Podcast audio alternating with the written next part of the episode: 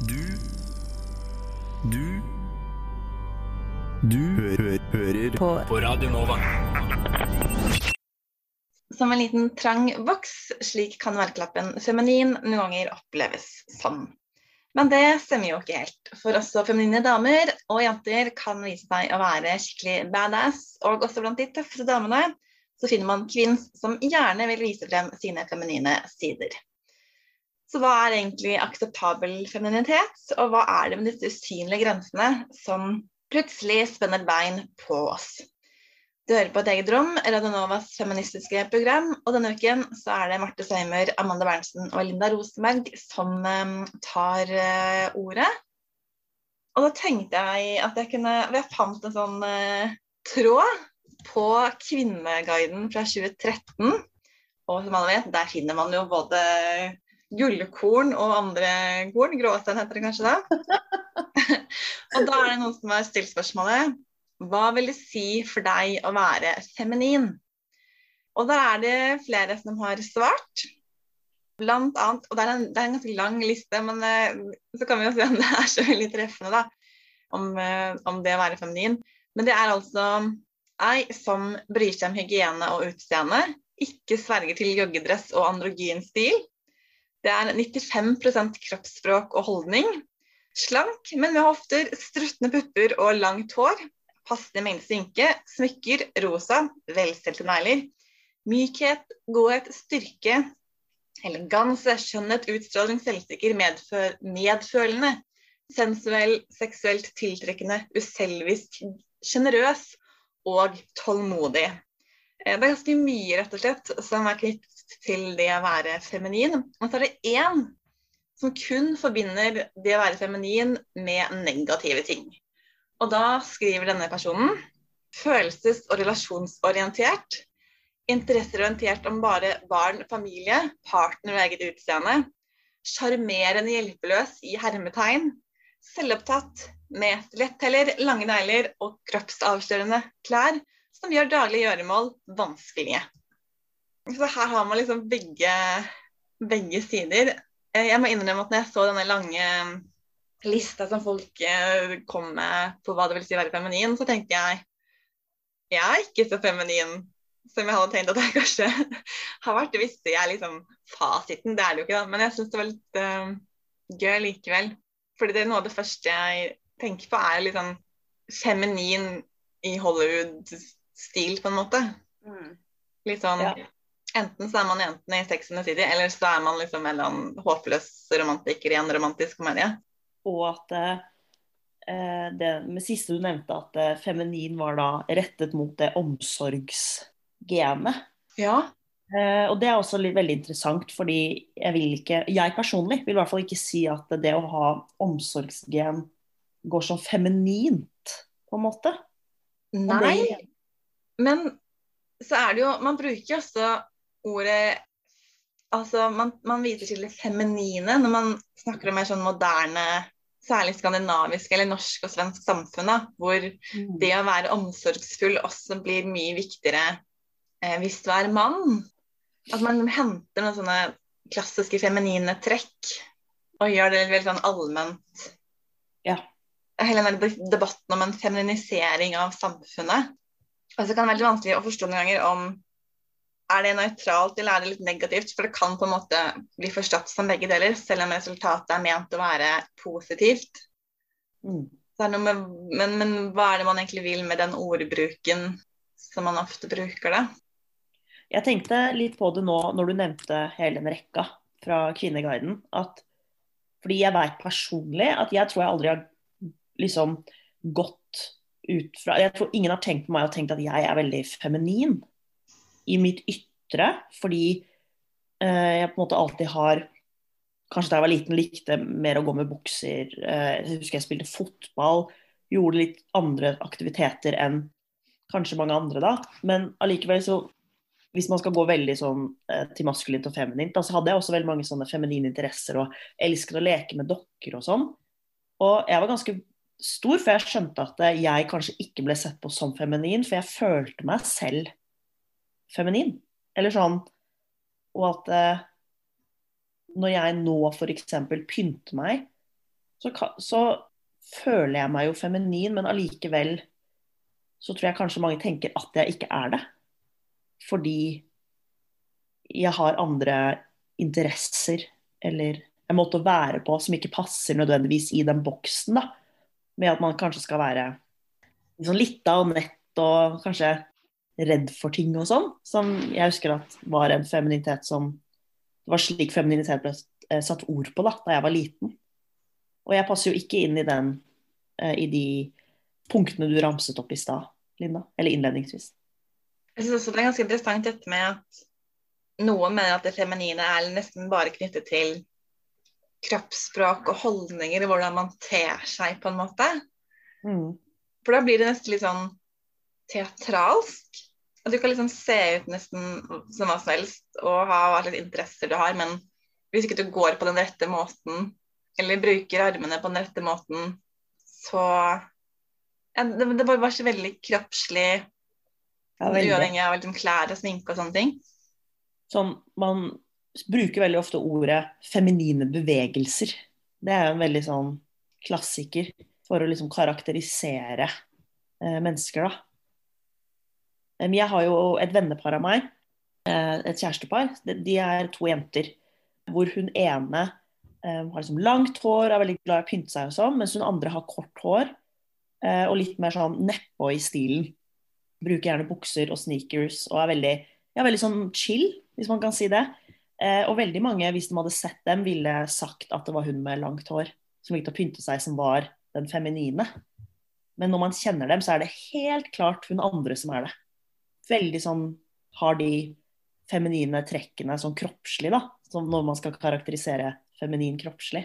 Og det er også veldig interessant at det er ikke alltid det man ser som trenger å være det eh, som utgjør det, da. Det er jo egentlig ganske sånn godt poeng. Man er jo mer enn det man ser. Altså, det er jo mye på innsiden også som, eh, som har noe å si for hvordan man blir eh, oppfattet.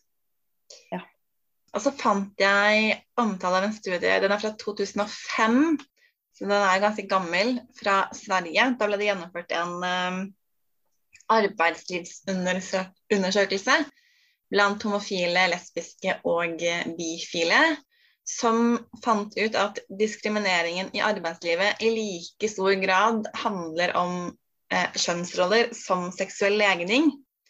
Eh, og da fant de ut at de som i liten eller mindre grad oppfylte de tradisjonelle kjønnsrollene, de ble også oftere diskriminert for sin legning, og det gjaldt særlig kvinner. Eh, og det var, enda, det var tydeligst på de arbeidsplassene som tradisjonelt er veldig sånn kvinne- eller mannsdominert. Mens hvor det var veldig jevnt, så var det Da var ikke det så viktig, da. Og det er jo litt interessant at hvis du er eh, en maskulin homse eller en feminin lesbe, så, så er det en måte greit å være skeiv. Men hvis Ja. du bryter de rollene, så, så reagerer man på noe vis. Da. Det er jo ikke Da får man på en måte diskriminering og reaksjoner rettet mot seg. Det der er veldig interessant. Og det, det har jeg aldri tenkt over. Sikkert også, også fordi jeg er, jeg er jo ikke homofil. Så man har, det er så mange ting man ikke har tenkt over, som kommer til syne sånn sett. Men det sier noe om, om hvordan man blir oppfattet, da. Dette med at eh, Jeg tror alle har vært Eller nå, nå, nå drar det kanskje litt langt, men jeg tror det er ganske vanlig at man har vært i en eller annen situasjon hvor en feminin gutt blir antatt å være eh, homofil fordi han er litt feminin, og en litt mer maskulin dame blir bare sånn OK, hun er lesbisk, liksom. Mm. Kun pga. det, uten å liksom nødvendigvis snakke med personen eller kjenne til personen eller vet noen ting om, om den personens preferanser. At man blir sånn umiddelbart satt i en bås, sånn seksuelt sett basert på i hvilken grad man oppfattes som maskulin eller mas ja, feminin. Jeg eh, husker veldig godt at jeg, jeg tror jeg gikk i sånn syvende og åttende klasse, eh, hvor man begynte å bli mer sånn klar over kanskje sin egen seksualitet og andres, og begynte å høre mer om uh, forskjellige ting. Og jeg husker at det var en periode hvor jeg tenkte kanskje sånn Ja, det kan hende at jeg liker jenter. Og det var ikke fordi jeg følte at jeg var tiltrukket av jenter, men det var fordi jeg ikke passet inn i den eh, feminine boksen som man hadde hørt at jenter skulle inn i. For jeg var liksom Nei, men jeg liker jo å henge med gutta, og jeg liker jo å gjøre det og det og det. Og så hadde jeg da hørt at det gjør også gjerne eh, lesbiske. Så uten at jeg i det hele tatt var eh, hadde noe, fattet noe interesse for jenter, og egentlig ikke gutter heller på den tiden. Jeg var litt sånn late bloomer sånn sett. Men da var jeg sånn Nei, men da, det kan godt hende at jeg er lesbisk. Bare fordi jeg hadde hørt de boksene sånn Jenter er sånn, skal være feminine, og hvis du ikke passer den feminine boksen, så, så, er man nok lesbisk.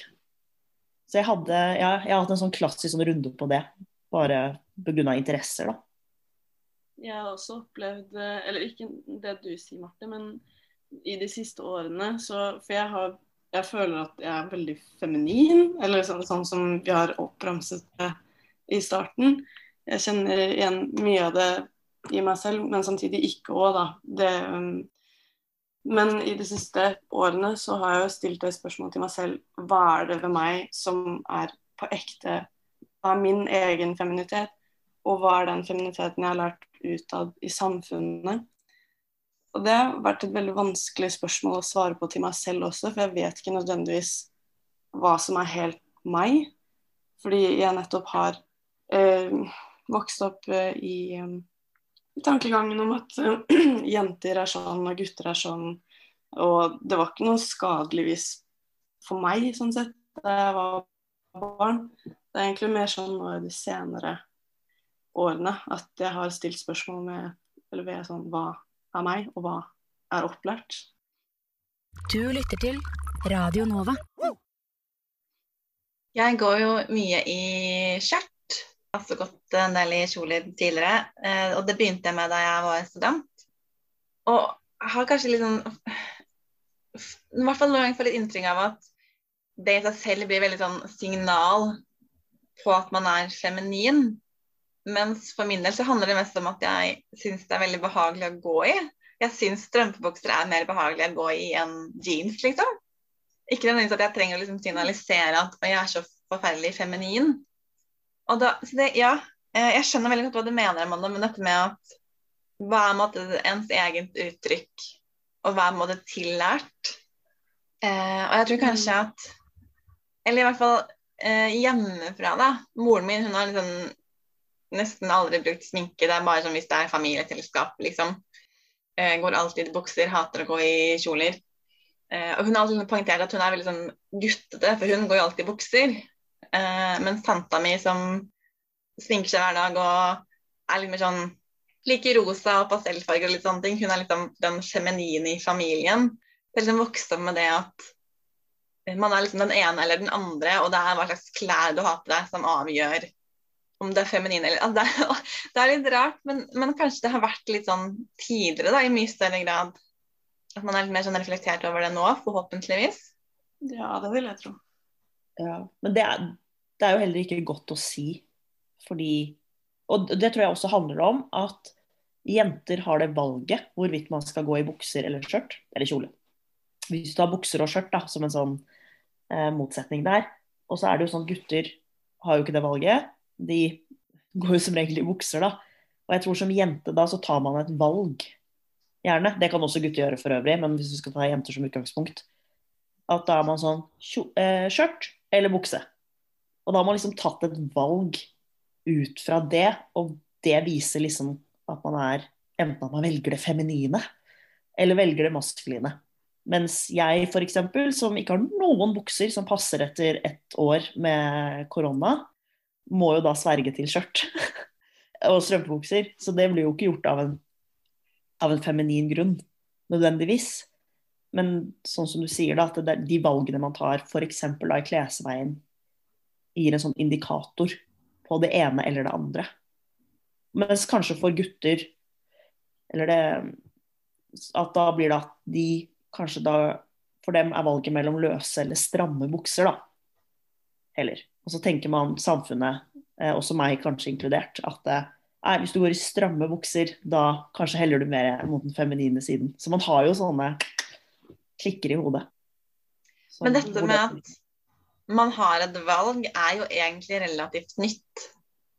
For Ja. historisk sett så har det vært veldig tydelige skiller. Dette er noe menn går med, og dette er noe kvinner går med. Vi snakker vel sånn 50-tallet, 1950-tallet, 60-tallet, hvor det her begynte å bli en ting. Eh, også utover 70-tallet. Det kommer litt grann på hvor um, Om du var liksom fra distriktet eller mer urbane strøk, og om du var i en mer sånn konservativ familie eller ikke. Så sånn sett så er det kanskje også noe som henger litt igjen i det kulturhistoriske, da. For det var veldig Mm. sånn tydelige rammer på, på hvordan man skulle kle seg og være. Og jeg tenker at kanskje mye av den derre Hollywood Deres definisjon av det feminine når man ser liksom populærkulturen, er jo veldig sånn dratt rett ned fra det kulturhistoriske. I mye større grad enn kanskje virkeligheten til folk flest, da. Mm. Hvor man gjør mer sånn det man har lyst til. Men apropos eh, Hollywood og filmer og sånn, jeg må ta en liten digresjon til mote. For jeg leste nå her om dagen at nå er det forskjellige ting som er ikke greit å gå med lenger, da. Og det er bl.a. skinny jeans. Det er sånn, det er helt ut, det kan man ikke gå med. Og det er jo noe som de siste ti årene man har gått med, gjerne hvis man har gått med jeans. Og så, det ser man jo også i f.eks. diverse filmer. At hvis jenter går med bukser, så er det gjerne sånn jeans som er klistret på kroppen. Og da ser man jo gjerne former og fasonger mye mer. Og hvis man eventuelt vil vise fram en eh, ja, fin i den forstand eh, kroppsfasong på film, så klistrer man jo på skinny jeans. Men nå er jo det passé. Nå er jo tydeligvis ikke det greit lenger. Eh, og jeg er en av de som ble sjeleglad for det. At man endelig kan gå, eller endelig få tak i på markedet. Det er jo heller det det handler om. Fordi mote og hva man kjøper blir jo regulert av hva folk ønsker, da. Og at det er færre ønsker det. Og flere nå ønsker litt sånn større baggy jeans. Som, eller sånn high waist, da. Hvor også kanskje formene ikke nødvendigvis kommer så tydelig fram.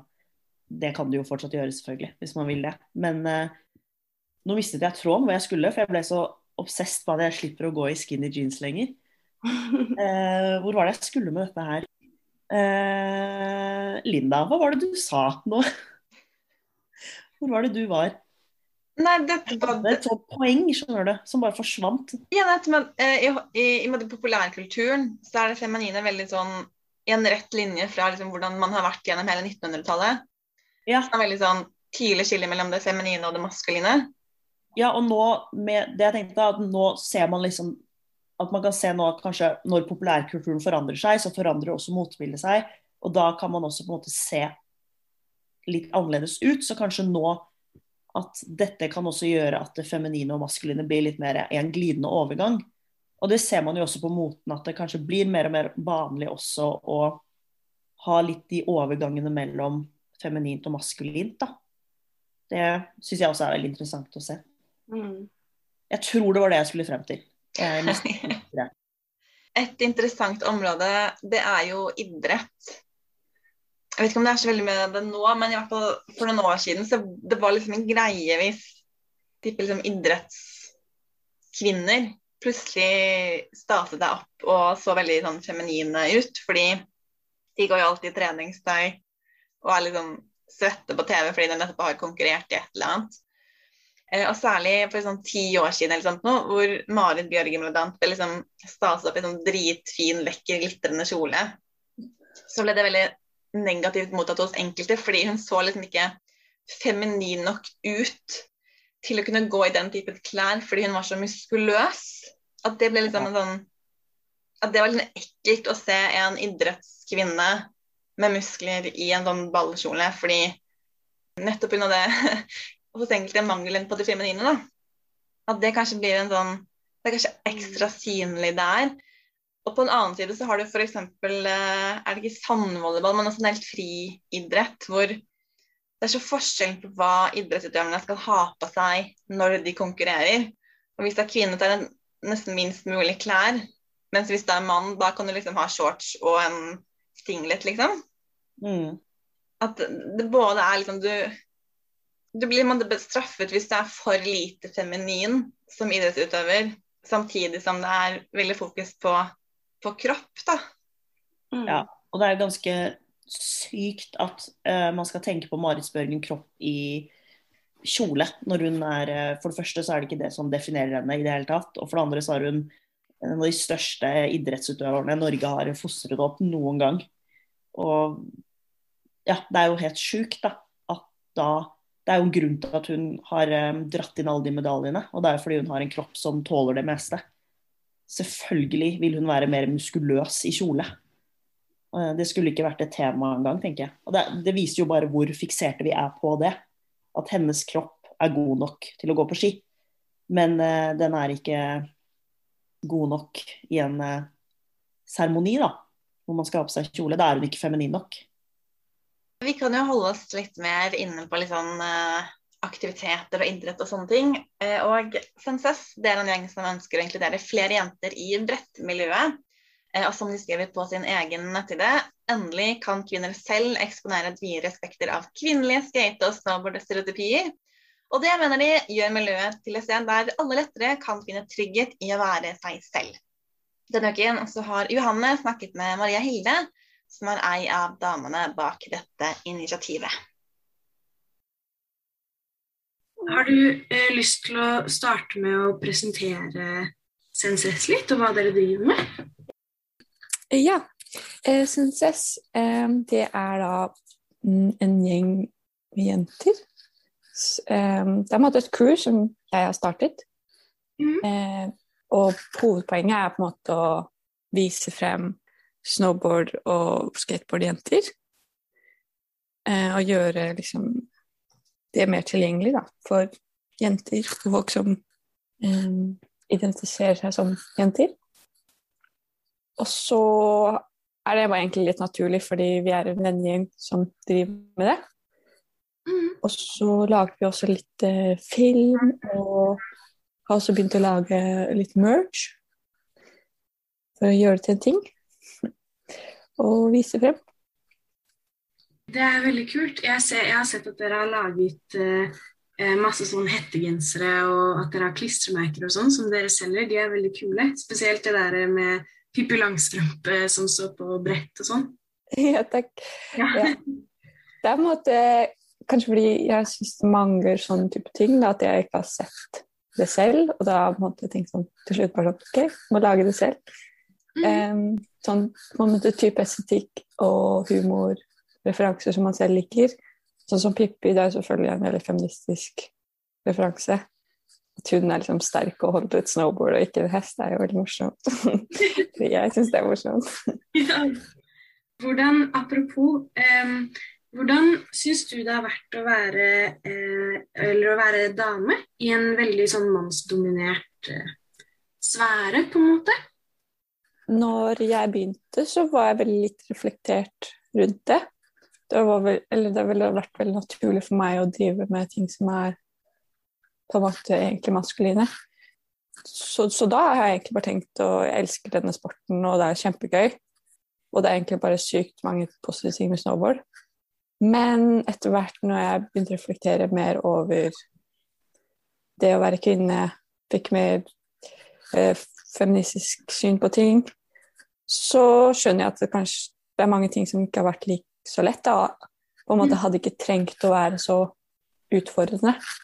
Og at man har på en måte hatt en annen opplevelse av den kulturen og miljøet enn det kanskje gutter har hatt. Mm. man har kanskje prøvd også å passe inn, da.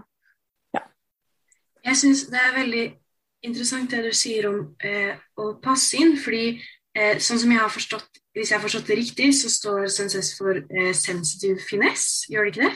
Mhm. Ja, og så tenker jeg, syns du, hva tenker du om at det med sensitivitet, eh, tenker du at det er en styrke i brettsport og sånn? Ja, jeg tenker jo på en måte at ja, det er det som er ideen med det. At, eh, at det er en styrke. At eh, vi er litt annerledes og at man Jeg har kanskje prøvd å tilpasse meg, men jeg er litt lei av det. Jeg har på en måte lyst til å fremheve det som jeg har, da. At eh, fordi man måte kommer inn i en kultur som setter pris på visse ting, så er kanskje ikke sensitivitet vært hoved, en positiv ting. i. Ja. Eh, ja, altså da vil jeg på en måte fremheve en, en type verdi som jeg syns er viktig. Ja, uten å liksom hele tiden snakke om kjønn, da. For det er på en måte også utenfor det. Det er jo så irriterende å liksom være kjønnet sitt når man egentlig bare vil kjøre snowboard med venner. på en måte. Mm. Komme litt vekk fra det, da. Det er på en måte et steg videre. er At man da kan være så maskulin og feminin man vil uten ja, måtte tenke eller tenke på kjønn hele tiden. Ja. Eh, jeg syns også eh, det er et veldig interessant poeng det med at man på en måte ikke Eller med sensitiv finesse, da, at man ikke trenger helt å spille på lag eller sånn eh, være med på liksom de maskuline verdiene, men at man kan på en måte få kjøre brett litt på egne premisser. At du kan være sensitiv og feminin og fortsatt utrolig god på brett, på en måte. Mm. Og jeg vil på en måte si at uh, det er jo masse feminine sider ved uh, snowboard allerede. De er kanskje bare ikke Man tenker kanskje bare ikke over det heller. Sånn at uh, liksom stil er jo ganske feminint, og det er, jo, er man jo veldig opptatt av i snowboard. snowboard. Og det med fellesskap kan være veldig feminint. Eller jeg skal ikke definere akkurat hva feminint er, men for meg så Og så må jeg også bare si at eh, det er helt konge å være jente i snowboard. Fordi når man finner, i hvert fall når man finner andre som er like, så er det også et veldig godt fellesskap, da. Jeg tenkte, jeg har fulgt litt med på Dere bygde eh, en sånn park i Torshovdalen.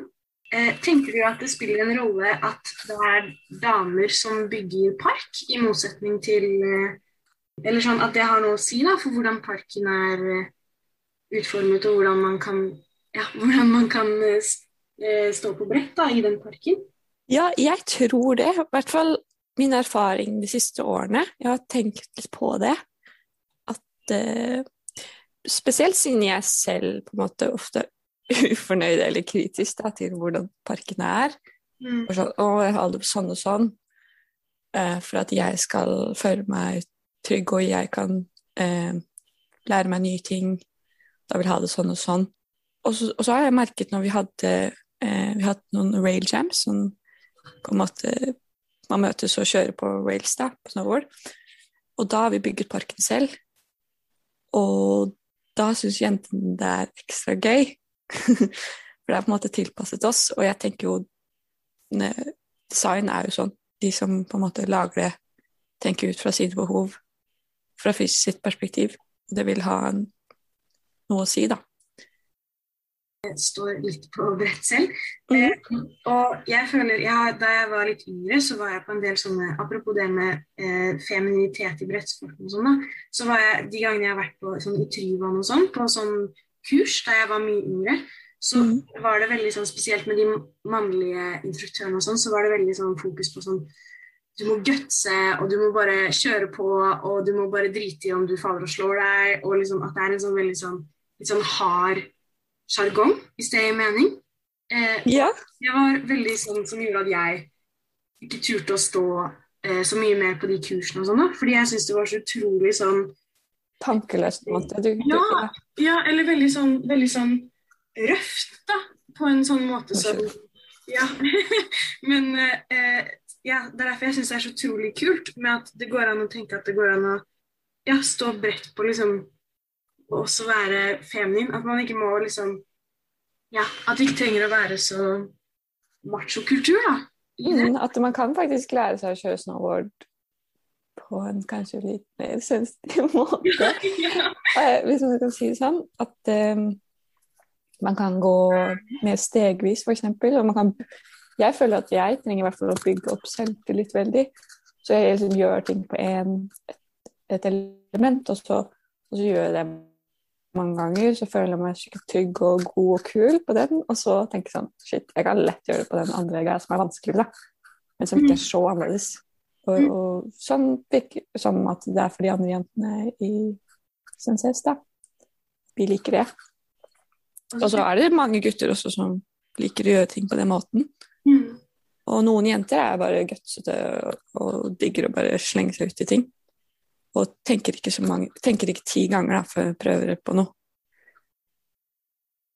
Jeg tenker også at det er skikkelig, eller sånn som jeg har forstått det, da, at det er skikkelig viktig at man eh, også ser damer i bakken. Og at det er utrolig kult sånn med Insta, for dere har jo ganske mye følgere på Instagram og sånn.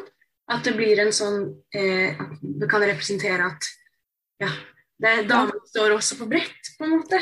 Ja, jeg tenker jo at synlighet er kjempeviktig. Mm. Og jeg så jo etter noen å se opp til som jeg likte når jeg begynte. Og det var ikke alltid lett å finne liksom noen som ligna, på en måte. Mm. Eh, så jeg ser jo det at med Instagram så er det veldig mange flere som begynner å, å, kjøre, å kjøre snowboard og skateboard. Altså fordi jentene kan på en måte styre mediene selv. Fordi før var det da eh, en mann som bestemte hvem som skulle være på forsiden av magasinet, hvem som man skulle gjøre intervjuer med. Eh, og da var jo kvinner mye mer underrepresentert. Og nå kan på en måte man vise frem mange forskjellige typer jenteskatere, jentesnowboardere. Og det er mye lettere å finne sin person som man digger og ser opp til. da. Der fikk du høre Maria Hilde fra Sansas, og reporter det var Johanne Reinton. Og eh, det finner du både på Instagram og Facebook dersom du har lyst til å sjekke ut hva de holder på med. Radio nå. Før det her så snakket vi litt om eh, Eller vi har snakket en del om kropp, eh, og hvordan det er veldig relatert til eh, oppfattelsen av hva som er eh, feminint og ikke. Eh, og så fant jeg en masteroppgave fra 2019 i psykologi som Maria Siverts har eh, levert på UiO. Og hun har undersøkt forståelsen av kropp på en sånn pro-ana-side, altså nettforum hvor anoreksi blir sett på som noe positivt. Eh, og et tema som kommer fram der, det er at kvinnene ikke ønsker å se ut som voksne kvinner. Og mange skriver at de hater kroppen sin, og da særlig bryster og kurver. Eh, de er opptatt av å bli tynne, mindre feminine. Det er et veldig sånn, viktig stikkord i oppgaven hennes. Og dermed også mindre seksuelle. Det er veldig sånn tydelig, eksplisitt nedvurdering av den feminine kroppen. Og også ganske interessant en tanke om at eh, feminine og kvinnelige former, og da særlig relatert til pupper, gjør at man blir redusert til å bare være kropp og kvinne. At er ikke noe mer enn en, en kroppen fysisk sett, og liksom det kjønnet man er blitt tildelt. Slik at det å ha en feminin kropp, det oppfatter de at da blir man eh, forstått som seksuelt tilgjengelig, og man er først og fremst et begjær for menn. Og dermed så blir det det å ha en feminin kropp, det blir en fysisk begrensning, eh, slik de opplever det. Slik at det som liksom blir et ideal, det, og et alternativ til det her, det er enten å være veldig, veldig tynn, eller å være mest mulig androgyn. Det blir liksom frigjøringen fra den, den ja, fysiske begrensningen som det er å se kvinnelig ut og være feminin. Da. Så jeg, synes, jeg har aldri tenkt over at det å ha en så alvorlig spiseforstyrrelse også kan være knyttet til et ønske om frigjøring da, fra eh, det feminine som alltid har blitt satt opp for oss alle som, som ideale. Ja, det har ikke jeg tenkt så mye over heller, faktisk. Men det er jo veldig interessant. Og nå har jo ikke jeg spiseforstyrrelser, men jeg kan likevel kjenne igjen litt av det de sier, med tanke på at uh, det har vært perioder, eller spesielt sommeren, hvor um, jeg ikke egentlig er så glad i å gå i stramme klær, fordi jeg nettopp ikke ønsker å få oppmerksomhet av uh, da kanskje menn som jeg ikke har noe med å gjøre. Det, synes, det vil ikke jeg ha, på en måte, så da har jeg funnet ut løsning i å heller gå med større T-skjorter, kanskje, for å nettopp slippe det å være feminin og begjært av fremmede mennesker. Det blir liksom en frigjøring fra egen kropp, da. Mm. Man frigjør seg fra det. Og nå, nå blir jo det noe litt annet, men det du sier nå, Amanda, kan man jo det, da kan man også trekke linjer til hvorfor noen kvinner velger å dekke seg til av religiøse årsaker. Den der, det begjæret fra andre, ikke vise fram kroppen sin, det feminine, da. Men det er jo på en måte noe helt annet, et annet tema. Men jeg syns det var veldig interessant det du sa, Linda. For jeg har også ikke Jeg har jo selvfølgelig noe kunnskap om spiseforstyrrelser gjennom det jeg har hørt. Og vet jo at En ting er jo den spiseforstyrrelsen som de sliter med, men som regel er hoveddiagnosen er jo angst. At det er det som river i de fleste, da. Eh, men det å Også det du nevnte med den å på en måte være lite kvinnelig, da. Det å liksom ikke være Ikke ha de formene. Og da man skal være så tynn som mulig. Og når man da er født som kvinne, da, så vil man jo automatisk ha disse formene mer eh, latent enn f.eks. menn, som er smalere bygd. Men det er jo noe med at hvis det feminine er liksom, det føles veldig begrenset, en ting er at man blir veldig sånn objekt for menn. Mm. Men hvis man kanskje også ser liksom det feminine som en sånn trang boks, og det eneste som åpenbart liksom er det fylleboksen er kroppen man har, da. Eh, og hvis man da i utgangspunktet har kanskje eller vanskelig forhold til sin egen kropp og hvordan man ser ut, så er det kanskje ikke så rart å tenke at da blir løsningen på det problemet at man må endre hvordan man selv ser ut. Og det blir motsatsen til de som kanskje tradisjonelt har forstørret puppene sine, på en måte, da. For å bli enda mer feminine og enda mer liksom, sensuelle og seksuelle. Så kan anoreksi også bli liksom, den motsatte retningen. sånn Hvis jeg skal komme meg ut av den trange feminine boksen, så må jeg ned i vekt, fordi da blir jeg mer androgyn og mindre feminin. Men eh, det er også noe som jeg har lagt litt mer merke til i det siste, når det kommer til f.eks. kvinner som heller forsterker disse feminine trekkene. Men også Jeg syns det også er egentlig veldig fascinerende og inspirerende, med tanke på at uh, jeg er der jeg er, ikke sant? hvor jeg gjerne heller går med en større T-skjorte for å slippe å bli begjært hvis jeg ikke vil det. ikke sant? Men jeg syns det er veldig eh, interessant da, at disse kvinnene vil heller forsterke eh, disse trekkene, men og samtidig vise at ja, jeg er veldig feminin, men dette er også sider ved meg, og det er helt greit å være feminin og f.eks. bry seg om skating eller bøker, hva enn, liksom. Det har jeg sett komme mer opp i sosiale medier i det siste. Og det syns jeg er veldig kult også, da, på den siden.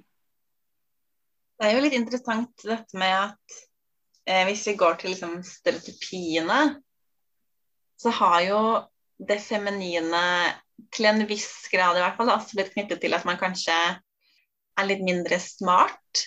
Litt mindre interessert i liksom, smarte ting. Og litt mer opptatt av liksom, det overflatiske eh, på én side. Men også det som vi snakket om tidligere, dette med at det feminine er så knyttet til, til relasjoner og omsorg. At det har liksom blitt sett på som motsetning til det å være liksom, rasjonell og logisk. At, jeg får inntrykk av at når man snakker om femininitet og stereotypier, så er det liksom Det går i alle retninger, da. Det er veldig vanskelig kart å skulle navigere seg inn i, egentlig, fordi det går jo egentlig aldri opp, på en Mm. måte, hvis, eh, hvis det gir litt mening. Ja, absolutt. Det er jo Det er på en måte Man kan aldri vinne helt. Fordi det er så lett å sette folk i bås, da.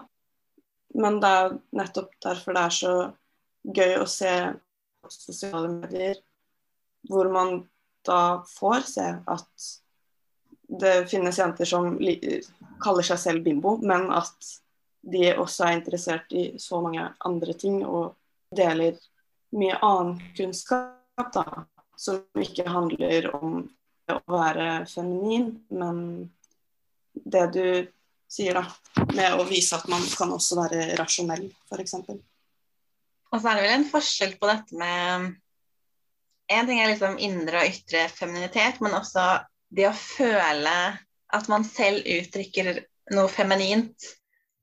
Og det på en måte å få det påklistret av andre, det også er en ganske stor forskjell. At man kan liksom føle på én ting, men bli definert som noe helt annet av folk bare basert på, på noen få ytre faktorer eller en handling eller liksom noe minimalt, da. Men det er noe som jeg egentlig aldri har hørt liksom i hvert fall tidligere folk diskuterer noe særlig. Denne, denne forskjellen mellom hva man selv ønsker og føler og vil uttrykke, og det, de båsene man blir puttet inn i, da. Nei, altså hvis eh, noen fra f.eks. Aftenposten hører på den podkasten, så må de gjerne ta kontakt. Så kan jeg stille opp i sånn portrettintervju i A-magasinet. For jeg kan godt si mye om akkurat det. For det er, det er akkurat det jeg har følt veldig mye på. Den der, hvordan jeg selv føler at jeg eh, uttrykker meg, og hvordan andre tenker. Og den der at det bare At man føler seg så annerledes enn hvordan andre tenker at man er. Basert på de stereotypene. Om det så er å ta for mye plass, eller hva man har på seg, eller hvordan humor man har. Eller det er veldig Jeg føler du at det er en feminin humor? Ja. Jeg har, jeg har eh, hørt sånn Du er morsom til Altså, du er morsom til å være jente. Du Mm. er Og ikke nødvendigvis at det er sånn feminin humor, at det er sånn omsorgshumor og en ikke-humor. Men at det er en sånn greie at eh, jenter er f.eks. ikke like morsomme som gutter. Og at Ja. eh, Altså, med det en gang man er litt sånn frampå og sånn, så er det sånn hei, hei. Det er rart. Jeg syns man er litt sånn vulgær eller grov eller rølpete, som kan være morsomt i enkelte situasjoner, og på egne premisser. Så man blir litt sånn Oi! Det hadde jeg ikke Ja, forventet av deg. Fordi du er jo så jentete. Er sånn, Der var du! Man forventer liksom ikke Man forventer det liksom ikke. Eller jeg tror Og jeg snakket også med venner om det, at med en gang jenter kanskje De har sagt da at når jenter også tar mye plass, at guttene da eh, Det her gjelder ikke alle, det gjelder de guttene jeg har snakket med. At de kan være sånn Oi, shit! Her var det en som vi kanskje må konkurrere med i den eh, det å ta rommet, og at det er litt uvant. Også til dems eh, forsvar så var det her en eh, veldig fin samtale om det. Og de mente jo at det er, bare, det er bare flott at jenter tar plass, men at det er uvant. Sånn at når det skjer at jenter kommer inn og tar rommet, så er det spesielt, da. Og de kanskje da blir ofte satt i den maskuline boksen ved at de er sånn Ja, ja, men de har de der egenskapene som en god leder i et AS har, som da gjerne er menn. Det der kan jeg snakke lenge om, ass. Det Men særlig dette med humor hadde vært veldig gøy å bore litt eh, mer ned i. Eh, hvordan det også kan være en markør på det ene eller andre, men også en måte å overskride noen grenser. da. Eh, og sette noen nye standarder på hva, både hva humor er, og hvem som gjør det. Og eh, knyttet til dette med maskuline og, og feminine skillelinjer og bokser. Men akkurat nå så tror jeg vi må begynne å runde litt eh, av. Marte Seimer, Amanda Berntsen og Linda Rosenberg eh, er det som har snakket om eh, litt sånn feminine bokser og maskulinitet og stereotypier og skillelinjer. I tillegg så har Johanne Reintan bidratt til denne, denne podkasten. Radio Nova.